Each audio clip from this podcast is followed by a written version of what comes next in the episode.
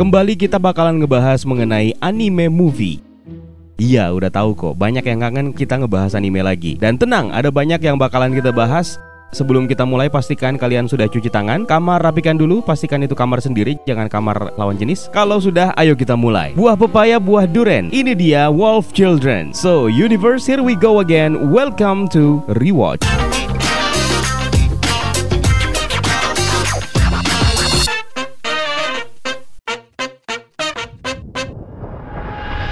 Film ini dirilis pada tahun 2012, disutradarai oleh Mamoru Hosoda, seorang director yang juga pernah mengarahkan film Digimon The Movie, One Piece, hingga satu film anime yang berhasil mengantarkan namanya mendapatkan nominasi di Academy Awards, yaitu Mirai, pada tahun 2018. Judul asli film ini sendiri adalah Okami Kodomono Ame Toyuki, dengan karakter utama Hana yang disulisuarakan oleh Aoi Miyazaki, Yuki disulisuarakan oleh Haru Kuroki, dan Ame disulisuarakan oleh Yuki Tonishi. Buat buat kalian yang belum pernah menonton anime movie yang satu ini, sepertinya kita perlu kasih spoiler warning terlebih dahulu buat kalian yang mungkin baru kepikiran untuk menonton film ini.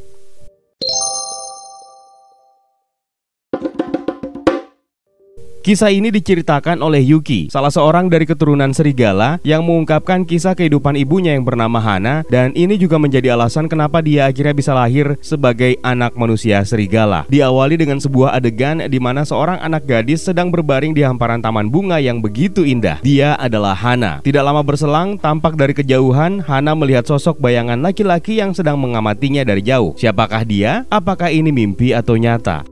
Hana merupakan seorang mahasiswi di sebuah universitas di pinggiran kota Tokyo di mana dia bisa berkuliah di tempat itu karena mendapatkan beasiswa. Sementara untuk membiayai kehidupannya, dia bekerja paruh waktu di sebuah laundry. Suatu hari, ketika perkuliahan sedang berlangsung, Hana menangkap sosok pemuda yang berpenampilan lusuh dan tanpa buku teks sedang menyalin dan mengikuti pelajaran dengan sangat tekun. Hal ini membuat Hana menjadi penasaran dengan sosok pemuda tadi. Hingga satu hari, Hana memberanikan diri mengejar pemuda tersebut hanya untuk untuk memintanya mengisi daftar hadir karena jika tidak dia dianggap absen oleh dosen namun respon sang pemuda itu sangat dingin dan dia berjanji tidak akan mengikuti perkuliahan jika dianggap merusak pemandangan hanya karena dia bukan mahasiswa di kampus tersebut. Keesokan harinya berbeda dari hari-hari biasanya, Hana menggunakan pakaian yang lebih cantik dan menunggu pemuda tersebut di ruang kelas untuk mengikuti mata kuliah.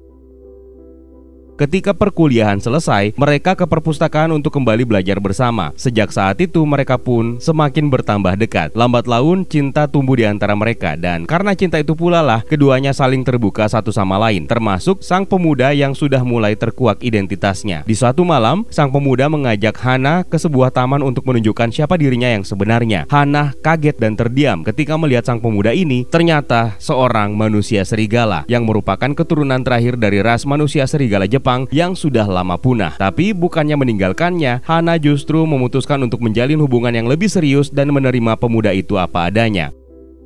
Akhirnya mereka memutuskan untuk tinggal bersama dan menikah.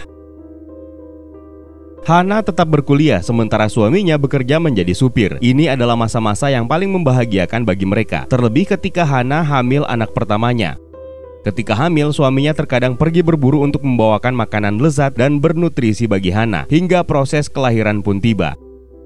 Hana melahirkan di apartemennya, hanya berdua dengan suaminya karena khawatir dokter dan pihak rumah sakit akan syok mendapati Hana melahirkan anak serigala. Ternyata Hana tetap melahirkan bayi yang berbentuk manusia yang mereka namakan Yuki karena lahir di saat hari tengah turun salju.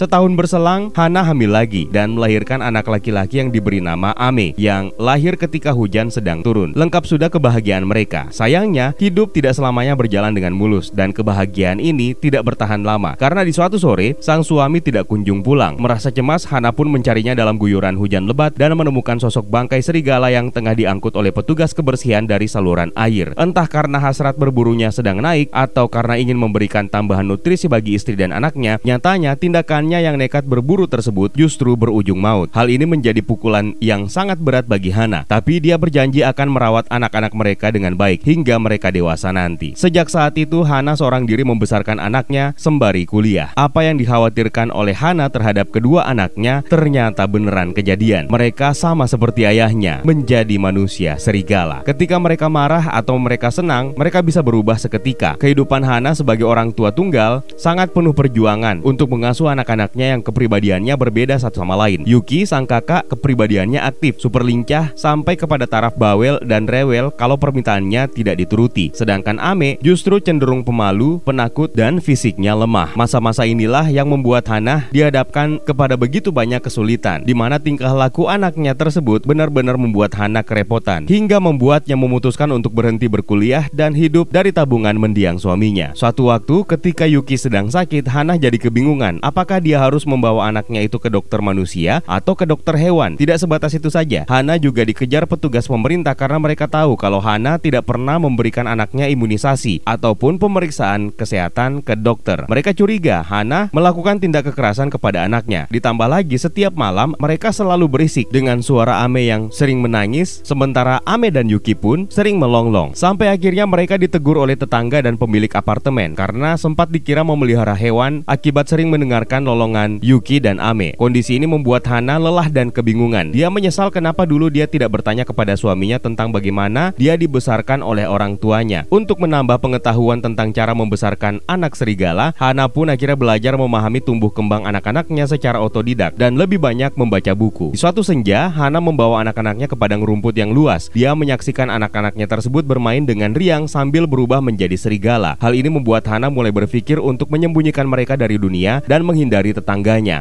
Hana pun memutuskan untuk pindah ke pedesaan, suatu tempat yang dianggapnya lebih baik bagi mereka untuk tinggal dan memulai hidup baru. Di desa mereka menempati rumah tradisional tua yang cukup besar dan tanpa tetangga di sekitarnya, yang pada akhirnya menguji ketangguhan hati Hana, mulai dari merenovasi rumah sendiri hingga naik ke atap untuk memperbaiki genteng yang bocor, sementara Yuki dan Ame terlihat sangat senang dengan rumah baru mereka karena di sini mereka bebas bermain dan mengeksplorasi apa yang mereka inginkan. Hana selalu mengajari anak-anaknya untuk tidak menunjukkan sisi sisi serigala mereka di hadapan penduduk desa, serta bersikap baik dan tidak sombong kepada binatang. Tinggal di pedalaman desa membuat Yuki dan Ame akhirnya bisa tumbuh dengan lebih bebas dan lebih dekat dengan alam, di mana mereka bisa berubah wujud menjadi serigala tanpa takut. Namun, Hana segera menyadari bahwa tabungan untuk biaya hidup dari mendiang suaminya sudah semakin menipis.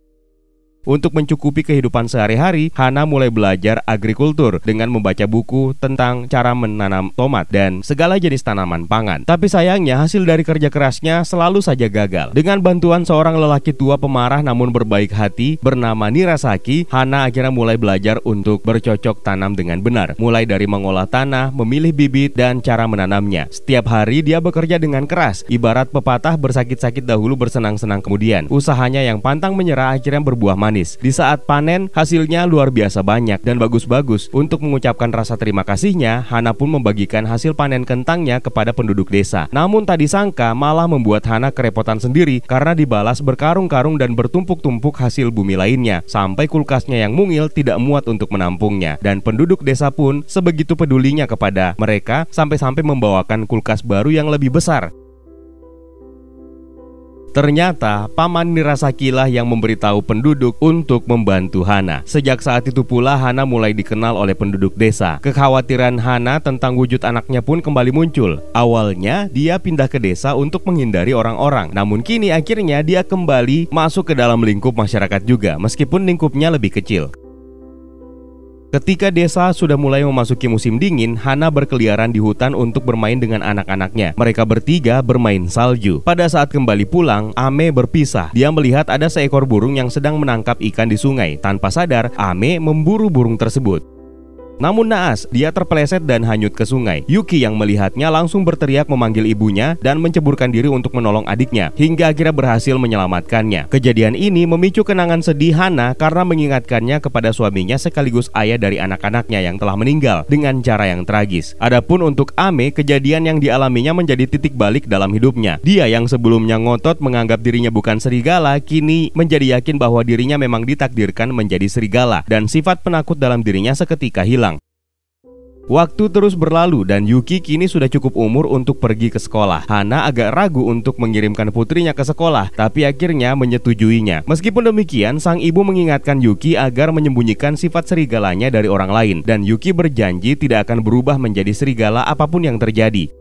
Di sekolah, Yuki sangat berbeda. Di saat anak perempuan menyukai bunga, Yuki malah memegang ular. Yang lain mengoleksi benda yang bagus, tapi Yuki justru mengumpulkan tulang binatang dan benda-benda tua yang membuat teman-temannya lari ketakutan. Sejak saat itu, Yuki mulai memutuskan untuk menjadi gadis yang baik dan imut. Dia pun mulai belajar bagaimana bertingkah layaknya manusia normal dan bisa akrab dengan teman-temannya kembali. Sejak Yuki masuk sekolah, Hana memutuskan untuk bekerja. Dia mendapatkan pekerjaan sebagai asisten pengawas lingkungan meskipun gajinya kecil. Setiap bekerja bekerja, Hana selalu membawa Ame ke tempat kerjanya yang membuat Ame memiliki keprihatinan lebih terhadap kondisi alam. Ditambah lagi, terdapat seekor serigala di tempatnya yang membuat Ame jadi merasa nyaman. Di tahun berikutnya, Ame pun masuk sekolah, namun dia mengalami masa-masa sulit di sekolahnya. Dia tidak tahu bagaimana caranya beradaptasi, karena cenderung pendiam justru membuatnya menjadi sasaran empuk para pengganggu sekolah dan sering menjadi korban bully. Akibatnya, Ame memilih untuk menghabiskan lebih banyak waktunya di gunung untuk melarikan diri dari rutinitas sekolah.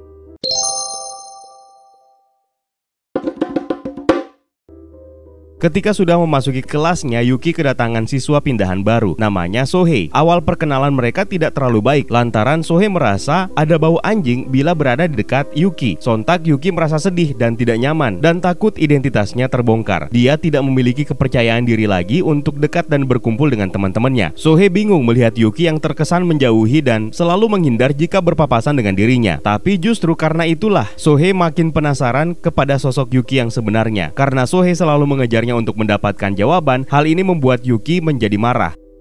Spontan, dia akhirnya menjadi serigala dan secara refleks melukai dan meninggalkan bekas di telinga Sohei yang mengeluarkan darah segar. Hana pun dipanggil ke sekolah lantaran Yuki terlibat insiden di sekolah. Hana meminta Yuki untuk meminta maaf, namun tetap saja orang tua Sohei marah dengan tindakan Yuki. Ternyata Sohei ini membela Yuki dan mengatakan bahwa bukan Yuki yang melukainya, melainkan seekor serigala yang dia lihat sebelum pingsan. Namun hal itu malah justru membuat Hana menjadi bertambah cemas karena mengira Sohei telah melihat wujud wujud serigala Yuki. Atas pengakuan Sohei, Yuki pun terbebas dari kesalahan. Kepala sekolah menganggap permasalahan telah selesai dan sekolah menanggung biaya pengobatan Sohei. Atas insiden tersebut, berhari-hari Yuki tidak mau ke sekolah dan mengurung diri di rumahnya karena takut. Hal ini membuat Sohei merasa bersalah dan untuk menutupinya, dia setiap hari mengunjungi rumah Yuki dengan memberikan surat atau memberikan makanan agar Yuki dapat kembali masuk ke sekolah. Akhirnya Yuki memutuskan kembali ke sekolah dan keduanya pun akhirnya menjadi teman.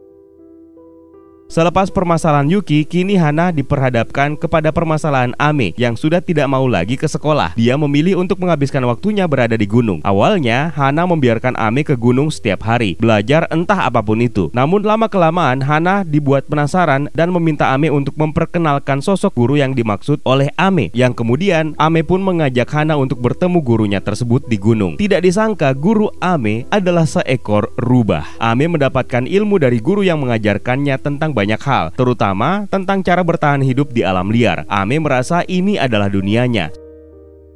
Seiring berjalannya waktu, Yuki dan Ame kini mulai tumbuh menjadi remaja dan transformasi antara keduanya semakin jelas dalam masa pencarian jati diri. Di suatu malam, Ame mengajak Yuki pergi ke gunung karena di sanalah tempat mereka yang sebenarnya. Sementara Yuki tidak ingin ke gunung karena dia ingin bersekolah dan menjadi manusia normal. Demikian pula sebaliknya, Yuki mengajak Ame untuk masuk sekolah, namun Ame menolaknya. Akhirnya hal ini membuat mereka bertengkar dan terlibat dalam pertarungan sengit yang membuat mereka terluka karena tidak ada yang mau mengalah. Menyaksikan hal tersebut, Hana merasa sedih dan cemas.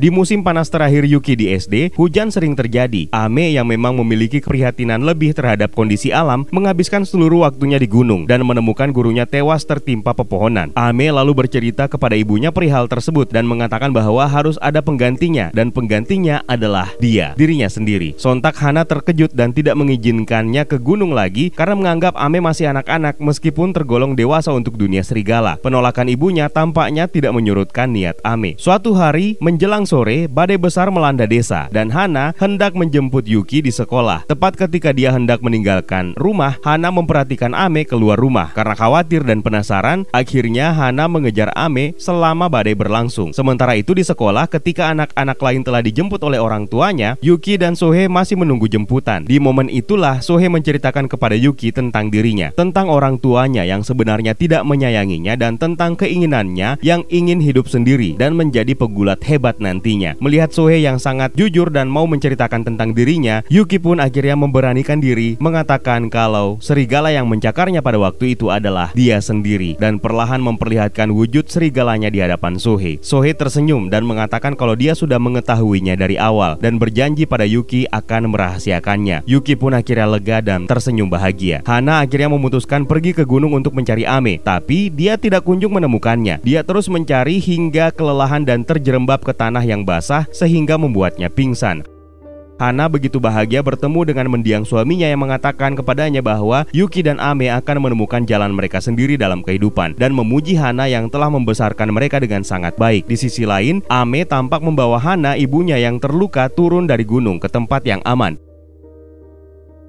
Di saat tersadar, Hana melihat Ame sepenuhnya berubah menjadi serigala dan lari ke pegunungan. Dia berusaha mencegahnya, namun Ame tetap berlari. Hana menangis melihat anaknya yang masih belum cukup dewasa itu menjadi penghuni gunung. Sampai di puncak, Ame mengaum begitu keras hingga suara longlongannya terdengar di seluruh penjuru desa, membuat Hana menyadari bahwa dia telah menemukan jalannya sendiri dan dengan tangis bahagia akhirnya merelakan dan menerima kepergian anaknya tersebut. Akhirnya kedua anak serigala itu memutuskan untuk memilih jalannya masing-masing. Yuki memutuskan untuk bersekolah dan berusaha menjadi manusia normal, sementara Ame memutuskan untuk meninggalkan dunia manusia dan memilih menjadi serigala penghuni gunung yang berani. Keputusan mereka mencerminkan betapa keduanya telah berubah ketika tumbuh dewasa. Setahun kemudian, Yuki meninggalkan rumah untuk pindah ke asrama sekolah menengah. Longlongan serigala Ame terdengar jauh di hutan, sementara Hana yang hidup sendirian sekarang mencerminkan seorang perempuan tegar, seorang ibu yang membesarkan kedua anaknya seorang diri setelah ditinggal mati suami suaminya, yang mana kedua anaknya tersebut adalah setengah serigala dan dia tidak pernah menyerah, bahkan selalu tersenyum di tengah semua kesusahan yang menghampiri dirinya.